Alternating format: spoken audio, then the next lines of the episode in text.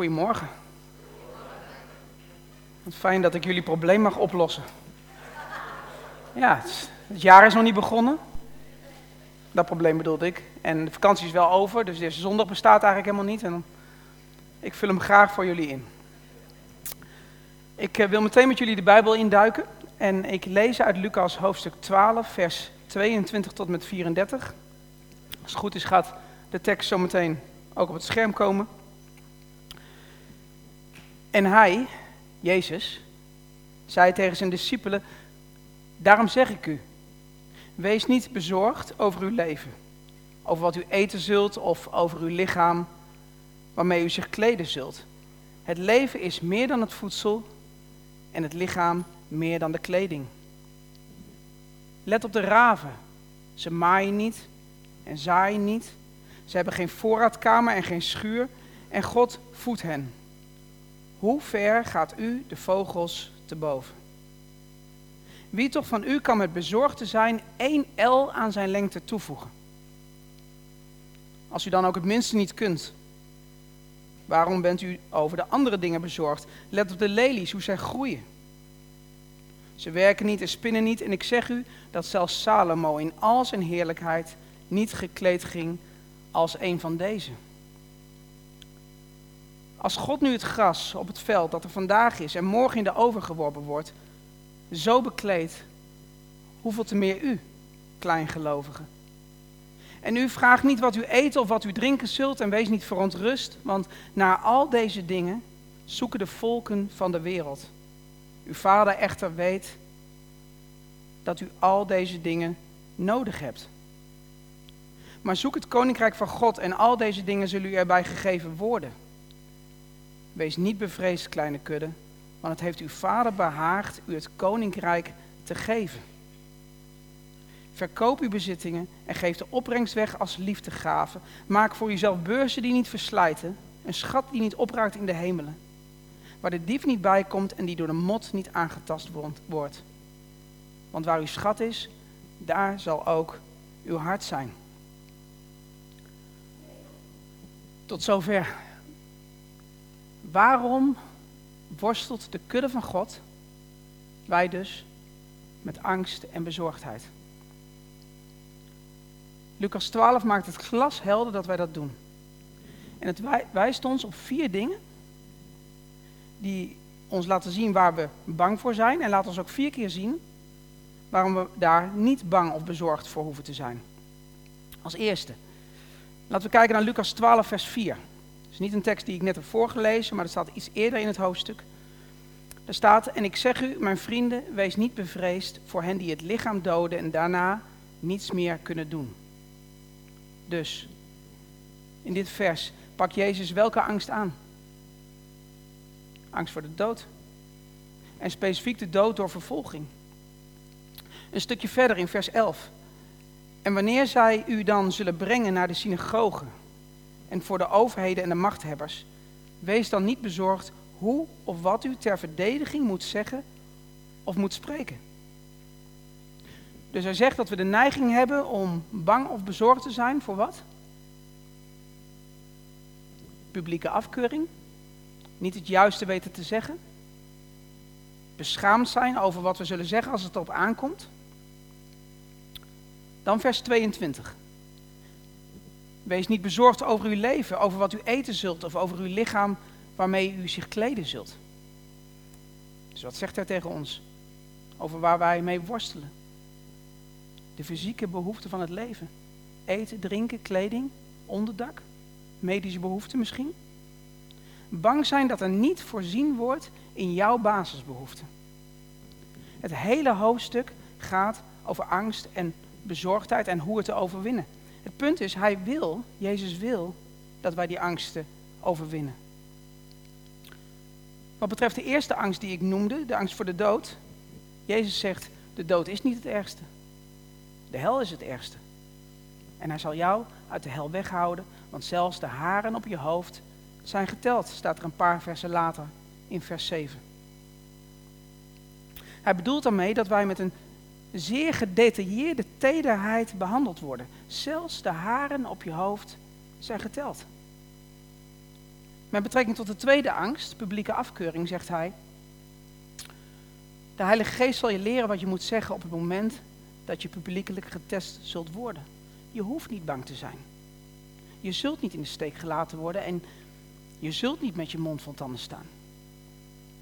En met betrekking tot de derde angst, of bezorgdheid over of er wel voorzien wordt in onze basisbehoeften.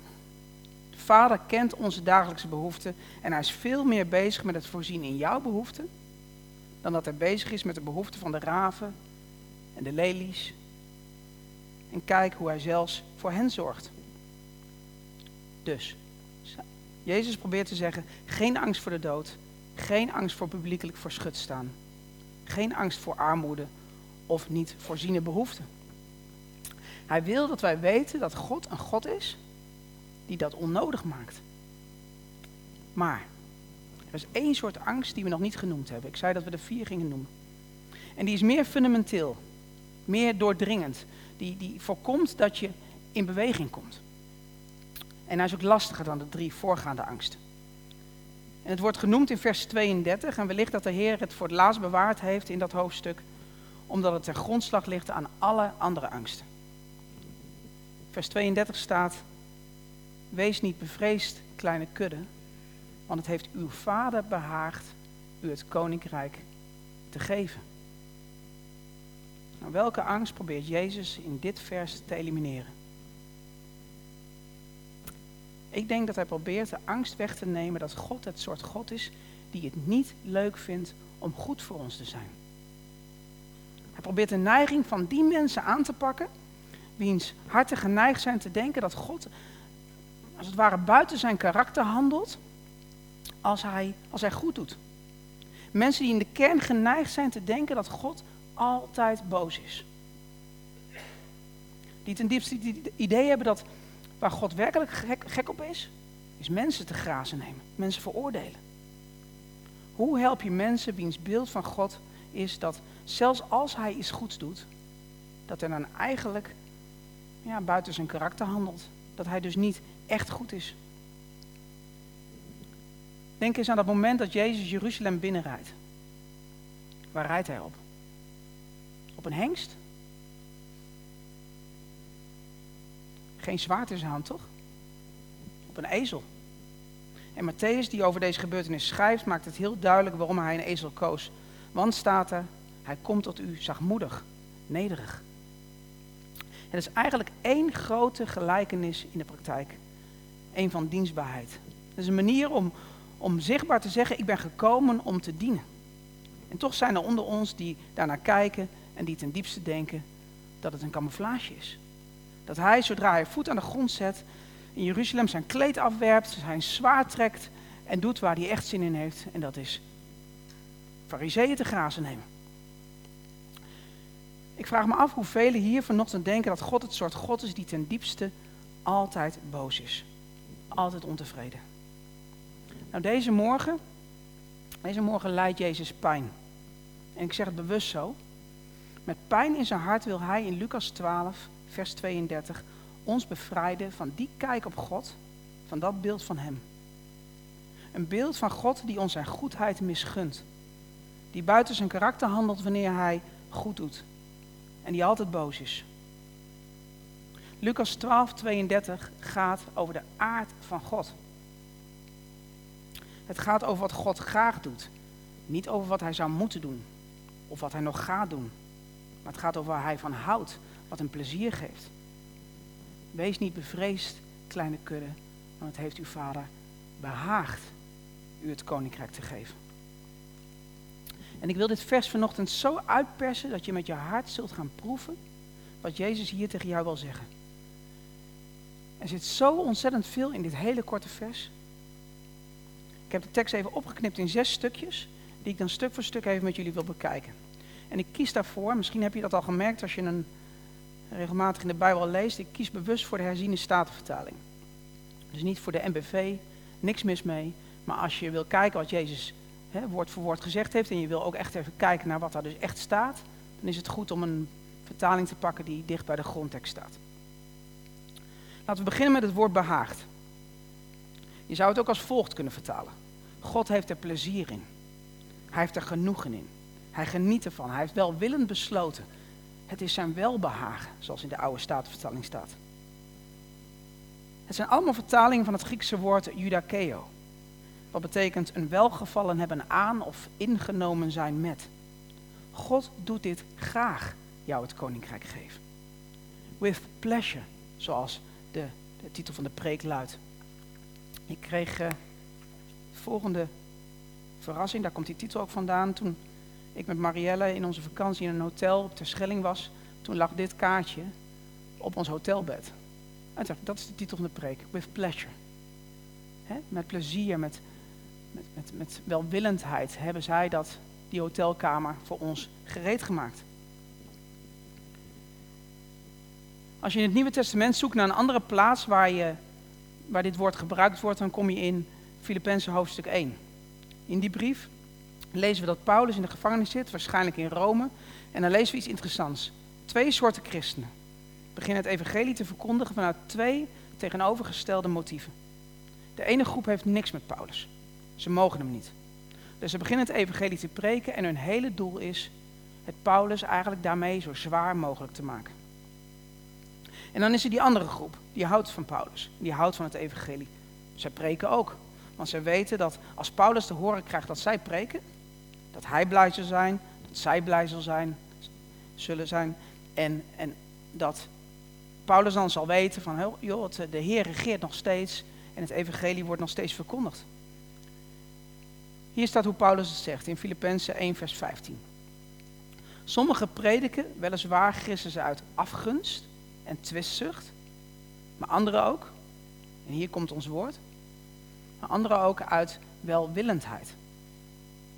Welwillendheid is in het Grieks hetzelfde woord als ons woord behagen, maar nu als zelfstandig naamwoord. Dus wat is het punt hier? Twee groepen doen hetzelfde. Alleen voor één van hen zit er een, achter de goede daad een heel naar motief. Wat ze echt willen doen is het Paulus invrijven dat hij in de gevangenis zit en dat hij dus niet zelf het evangelie kan verkondigen. En ze hopen dat hij zich hierdoor verschrikkelijk voelt. En die andere groep heeft niets te verbergen. Een al enthousiasme. Ze houden van Paulus en ze houden van het evangelie. Dus wat is het punt in Lucas 12, vers 32, onze tekst? Als Jezus het woord gebruikt dat die tweede groep karakteriseert. Die tweede groep die handelt naar hun welbehagen. Het behaagt hun om het evangelie te preken. Geen dubbele bodem. En dat is ook het hart van God in onze tekst. Als God iets goeds doet voor jou, als Hij jou iets belooft, als Hij tegen jou zegt, ik geef jou het koninkrijk, dan is Hij als die eerste groep.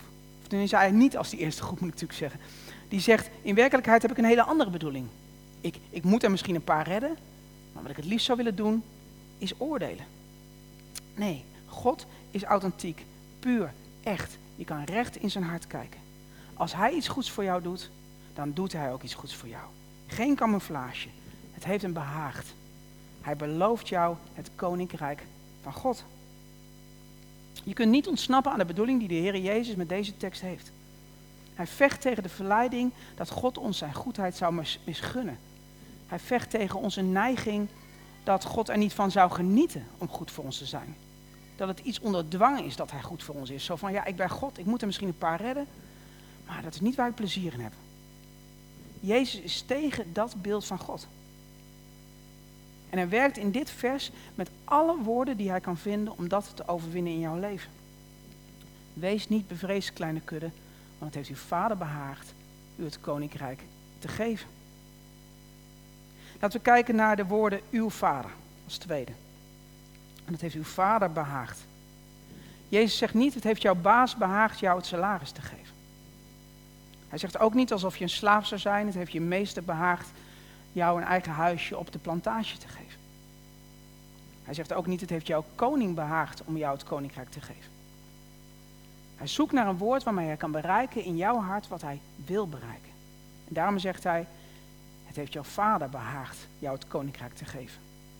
Hij heeft het beste met je voor. Maar dan, het probleem is, velen van ons hebben niet zo'n vader gehad in onze jeugd. Voor sommigen geldt dat hun aardse vader als het ware geposeerd heeft voor dat verkeerde beeld van God. waar ze dan nu vervolgens zo'n last van hebben. Ook mijn eigen vrouw kan daarover meepraten dat ja, een, een vader in je jeugd zoveel kapot kan maken dat je menselijke wijs op latere leeftijd niet meer kunt geloven dat er een vader is in de hemel die echt van je houdt. Menselijke wijs, gelukkig. Maar ook als je wel een goede vader gehad hebt. Ik hoop dat er velen hier zijn vanochtend die dat kunnen zeggen. Dan nog moet je ontdekken wat God bedoelt met zijn vaderschap. In alles wat we daar wellicht over zouden kunnen zeggen, wil ik me even beperken tot twee dingen. Allereerst, als de koning jouw vader is, dan ben jij een erfgenaam van het koninkrijk. Dat is logisch, hè? Dat betekent dat er dus iets natuurlijks is aan het erven van het koninkrijk. Jouw vader handelt niet buiten zijn karakter als je zijn onroerend goed erft. Zijn landgoed. Zo gaat dat nu eenmaal, het is je erfenis. In Matthäus 25, vers 34 staat dat in de laatste dagen Jezus zal zeggen: Kom gezegende van mijn vader, beërf het koninkrijk dat voor u bestemd is vanaf de grondlegging der wereld. Met andere woorden, voordat deze wereld is geschapen, heeft God al voor zijn kinderen een erfenis voorbereid, namelijk het koninkrijk. En hij misgunt het zijn kinderen niet om in hun erfenis te komen. Vaders vinden het geweldig als hun kinderen in hun erfenis komen. Hun naam wordt voortgezet. Hun landgoed of onroerend goed, of hoe je het ook maar noemt, wordt gevuld met mensen die lijken op hem. Dat is niet iets waarvoor God buiten zijn karakter zou moeten treden om het te doen. En ten tweede, als de koning onze vader is, dan hoeven wij geen belasting te betalen. Is iedereen weer wakker? En dat zegt iemand die bij de Belastingdienst werkt. Nou, je kunt geen rechten ontlenen aan deze opmerking, oké? Niet, niet morgen bellen naar 0800 0543 en denken dat je hier iets mee kunt. Maar het, is, maar het is waar. Als de koning onze vader is, dan hoeven wij, zijn kinderen, geen belasting te betalen. Ik zal uitleggen waarop ik dat baseer. Ken je het verhaal in Matthäus 17, waar twee mensen naar Petrus toekomen om de tempelbelasting te innen? Ze vragen hem, betaalt uw meester de twee drachmen niet? En Petrus zegt, uh, jawel. Zo voel je dat hij dat een beetje zegt. En als hij dan weer thuis is, dan is Jezus hem voor en zegt, wat denk je Petrus? De koningen van de aarde, van wie ontvangen zij tol of belasting? Van hun zonen of van vreemden? Petrus antwoordt dan, ja, van vreemden. Precies, zegt Jezus. Dan zijn de zonen dus vrijgesteld. God is koning en de koning heeft geen belastingen bij zijn kinderen. Buiten de muur van het paleis, waar rebellie is tegen de koning, daar wel. Daar voelen ze het gewicht van de wet. Maar binnen het paleis is het allemaal vreugde en liefde en vrede en harmonie. God heeft geen belastingen bij zijn kinderen. Jezus zegt, als u die slecht bent, uw kinderen dus goede gaven weet te geven. Hoeveel te meer zal de hemelse vader, dan vul ik even een woordje in, het koninkrijk geven aan hen die hem daarom bidden. Wees niet bevreesd, kleine kudde, want het heeft uw vader behaagd u het koninkrijk geven. Als derde, laten we kijken naar het woord geven. Het heeft uw vader behaagd u het koninkrijk te geven. Niet aan je te verkopen of om het aan je te verhuren of om het ergens voor te ruilen. Voor onze werken bijvoorbeeld. Nee, het koninkrijk wordt ons gegeven. God is voor ons als een bron in de bergen. Hij is niet een armzalige drinkbak. Daarom is het ook het verlangen van zijn hart om over te lopen en zichzelf te verheerlijken door te geven en te geven en te geven. We hoeven hem niet te vullen met emmertjes water. Hij is zelf de bron, een fontein die overstroomt om te geven, leven en overvloed. En hij zoekt mensen die dorst hebben, die willen drinken. God is geen gierige Ebenezer Scrooge, voor wie dat verhaal nog kent. Hij is niet krenterig, hij is niet karig. Wees niet bevreesd, kleine kudde, want heeft uw vader behaagd u het koninkrijk te geven. Als vierde, laten we kijken naar het woord kudde. Wees niet bevreesd, kleine kudde. Kijk hoe Jezus de metaforen opstapelt. Hè? Dat, dat, is, dat is mooi. Als je zo'n tekst echt gaat bekijken, dan ontdek je dat er staat: God is dus onze vader. En aangezien hij ons een koninkrijk geeft, is hij dus een koning. En aangezien wij zijn kudde zijn, moet er dus een herder zijn. Jezus doet er alles aan om duidelijk te maken dat God niet het soort God is die ons zijn zegeningen misgunt. Wij zijn zijn kudde. Wat betekent dat voor jou? Dat jij deel uitmaakt van zijn kudde. Het betekent dat je mag zeggen, de Heer is mijn herder. Mij ontbreekt niets. Hij doet mij neerliggen in grazige weiden. Hij leidt mij zachtjes naar stille wateren. Hij verkwikt mijn ziel. Hij leidt mij in het spoor van de gerechtigheid omwille van zijn naam. Al ging ik ook door een dal vol schaduw van de dood, ik zou geen kwaad vrezen, want u bent met mij. Uw stok en uw staf, die vertroosten mij. U maakt voor mij de tafel gereed voor de ogen van mijn tegenstanders. U zalft mijn hoofd met olie. Mijn beker vloeit over. Ja, goedheid en goede tierenheid zullen mij volgen al de dagen van mijn leven.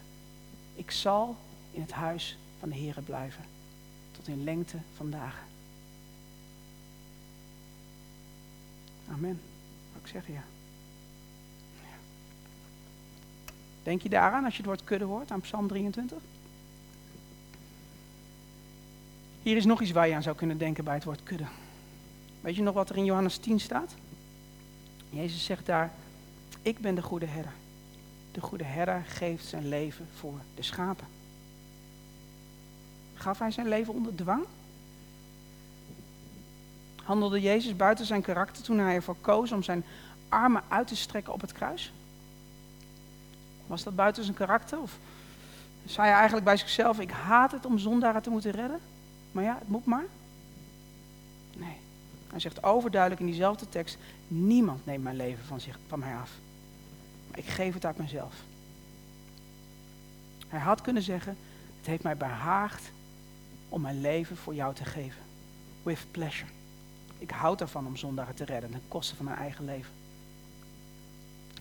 Wees niet bevreesd, kleine kudde, want het heeft uw vader behaagd u het koninkrijk te geven. Ten vijfde, het wordt kleine. Wees niet bevreesd, kleine kudde. Waarom zegt hij kleine kudde? Omdat ze met weinig waren? Wellicht. Wellicht. Ik denk echter dat Jezus dit woord gebruikt voor al zijn emotionele kracht. Omdat hij weet dat er mensen zijn die op emotioneel niveau doof zijn voor deze boodschap vanochtend. Ze kunnen gewoon niet die connectie maken dat er een vader is die echt van hen houdt. Kleine is een woord dat staat voor liefkozing en genegenheid, voor zorgzaamheid. Vannacht uh, uh, was uh, voor ons nogal een rumoerige nacht. Onze, onze poes, Guusje, die eh, is, was, is, ziek. Die is een beetje, beetje ten einde, zeg maar. Maar dat hopen we nog. dat heb ik niet uitgesproken, lieverd. niet ten einde. Nog vele jaren. Maar hoe dan ook. Nee, het was echt een hele moeilijke nacht omdat ze veel moest overgeven en heel zielig was. En toen lag ze naast mij en toen zei ik, kleintje tegen haar. Dat is wat God hier doet, alleen dan nog veel sterker. God noemt ons kleine kudde, kleintje. Er zit zoveel liefde, zoveel tederheid in. Misschien dat als je niks met huisdieren hebt, dat je dan meer kan, dit kan voelen als je denkt aan je kinderen. Dat je dan niet kleintje tegen hem zegt omdat hij toevallig maar één meter, noem het eens. Hè? Nee, dan zeg je omdat je iets liefs tegen je kind wil zeggen. En als tweede betekent ook dat het ervaren van Gods goedheid niet afhankelijk is van onze grootheid. Wij hier bij Open Thuis zijn een kleine kudde. Klein in omvang, klein in kracht, klein in liefde, klein in wijsheid. Als Gods goedheid van ons afhing, dan zouden we geen hoop hebben. Maar dat is het punt, het hangt niet van ons af. Wij zijn een mini kleine kudde maar we laten ons niet wijsmaken dat Hij niet om ons zou geven. Het hele punt is juist dat God onbeschrijfelijk groot, koning, vader, herder, zich neerbuigt om te zorgen voor zijn allerkleinste kudde. Wees niet bevreesd, kleine kudde, want het heeft uw vader behaagd u het koninkrijk te geven. Jullie lopen straks de deur uit en dan zit deze tekst in jullie hoofd. Het is goed om Gods woord in je hart te hebben, dus ik heb het nu al heel vaak genoemd. Zeg hem anders even met me mee. Wees niet bevreesd. Kleine kudde. Amen. Zou wel kunnen stoppen nou, maar daar hebben we nog een woord over. Dat woord koninkrijk. Best wel belangrijk in deze zin. Ik neem aan dat het mogelijk is voor iemand om hier te zitten en te zeggen: Oké, ik heb gehoord dat hij een vader is en geen slavendrijver. En dat hij geeft en niet verkoopt. En dat hij een herder is die voor zijn kleine kudde wil zorgen. Maar wat geeft hij nou eigenlijk? Hij geeft geen geld, want hij heeft zelfs gezegd dat het moeilijk is voor iemand die rijk is om het koninkrijk van God binnen te komen. Hij geeft geen populariteit, want hij zei: Gelukkig zijn jullie wanneer de mensen jullie haten en buitensluiten en beschimpen en je naam door het slijk halen. En hij geeft ook geen veiligheid. Hij heeft immers gezegd: En u zult ook door ouders, broers, familieleden en vrienden overgeleverd worden. En zij zullen sommigen van u doden. En u zult omwille van mijn naam door allen gehaat worden. Jongen, wat geeft hij dan wel? Geen geld, geen populariteit, beroemdheid, goedkeuring, applaus, de dingen waar we soms zo naar verlangen. Geen veiligheid in dit leven. Hij geeft ons het koninkrijk van God. Dat is alles. Of, dat is alles. Er is niets wat daar bovenuit gaat. Het koninkrijk van God, het rijk waar onze Jezus regeert als koning, waar Gods autoriteit oppermachtig is, waar zijn liefde heerst, waar zijn Heilige Geest altijd aanwezig is. Een koninkrijk dat nu al bestaat, gedeeltelijk in, in, in de harten van, van, van ons, van mensen die verlost zijn. En een koninkrijk dat in perfectie en volheid zal bestaan in de toekomst. Wij, de kinderen van God, mogen daar binnen gaan. Het is het eeuwige leven, het is de hemel. En ook meer dan dat, want het is hier ook al. Het is de plek waar God zelf alle tranen van onze ogen zal afwissen. Er zal geen dood meer zijn, geen rouw, geen jammerklacht, geen moeite. Alle dingen zal hij nieuw maken. En dit krijgen wij aangeboden.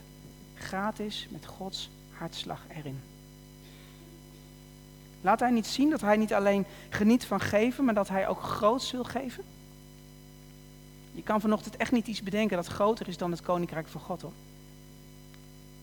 En het woordje gegeven. Het is zoals geschreven staat, wat geen oog heeft gezien, geen oor heeft gehoord. En in geen mensenhart is opgekomen. Dat is wat God bereid heeft voor hen die hem lief hebben. En het is het genoegen van de Vader om het aan zijn kleine kudde te geven. Jezus zegt, en ik beschik jou het koninkrijk, zoals mijn Vader dat aan mij beschikt heeft. Opdat jij eet en drinkt aan mijn tafel. Wat een belofte.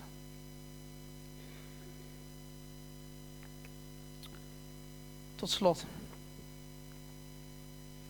Wat zullen we dan over deze dingen zeggen? Als God voor ons is, wie zal tegen ons zijn?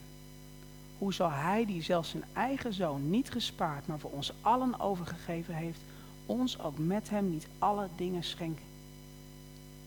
Wie zal beschuldigingen inbrengen tegen de uitverkorenen van God? God is het die rechtvaardigt. Wie is het die verdoemt? Christus is die gestorven is. Ja, wat meer is die ook opgewekt is. Die ook aan de rechterhand van God is. Die ook voor ons pleit. Wie zal ons scheiden van de liefde van Christus? Verdrukking? Of benauwdheid? Of vervolging? Of honger? Of naaktheid? Of gevaar? Of zwaard? Zoals geschreven staat, omwille van u worden wij de hele dag gedood. Wij worden beschouwd als slagschapen. Maar in dit alles, maar in dit alles zijn we meer dan overwinnaars door Hem die ons heeft liefgehad. Want ik ben ervan overtuigd dat nog dood, nog leven, nog engelen, nog overheid, nog krachten, nog tegenwoordig, nog toekomstige dingen, nog hoogst, nog diepte, nog enig ander schepsel ons zal kunnen scheiden van de liefde van God in onze Heer. Amen. Laten we bidden.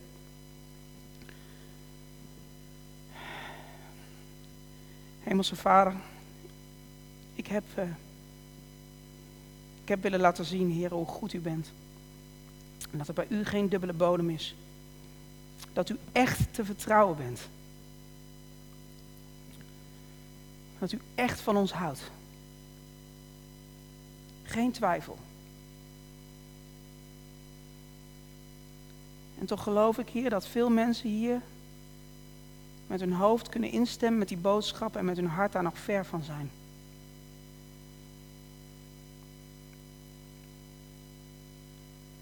Als onze ogen zo gesloten zijn en onze hoofden gebogen zijn, dan wil ik vragen of er mensen zijn vanochtend die weten dat dit over hen gaat. Die dan misschien even een hand willen opsteken, zodat ik daar in alle anonimiteit voor mag bidden. Dankjewel. Dankjewel. Dankjewel. Dankjewel. Dankjewel. Is er nog iemand anders die niet weet dat de Vader de herder is, de koning, je God, dat hij goed is? Dankjewel. Heer, dank u wel, Heer, voor de handen die omhoog zijn gegaan, Heer. U, u weet waar, het, ja, waardoor het gekomen is, Heer, dat, dat zij dit misschien nog niet ten volle kunnen grijpen.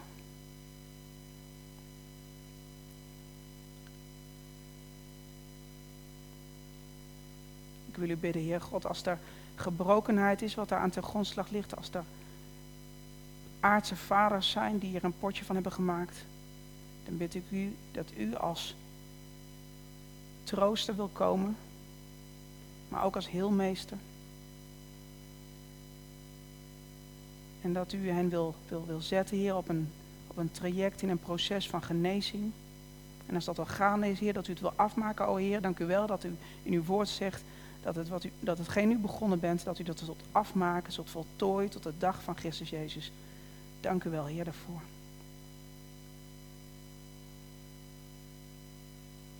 Als er misschien andere redenen zijn, Heer, waarom de boodschap wel het hoofd binnenkomt en wel, ja, technisch gesnapt wordt, Heer, maar dat er gewoon geen connectie in het hart gemaakt wordt.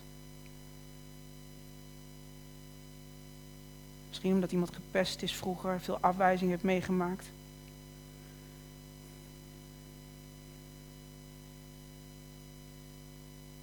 Dan bid ik u dat u hem, hem, op een van die moet ik denken aan hem, maar goed, maakt niet uit, dat u hem of haar heel diep in het hart zult overtuigen dat u een God bent die nooit iemand afwijst. Dank u wel, Heer God, dat u zo ontzettend goed bent. Het u hier nou, nu bij laten, Heer, maar ik weet gewoon, Heer, u laat het hier niet bij. U maakt af wat u begonnen bent. Dank u wel. Dank u wel. In Jezus' machtige naam. Amen.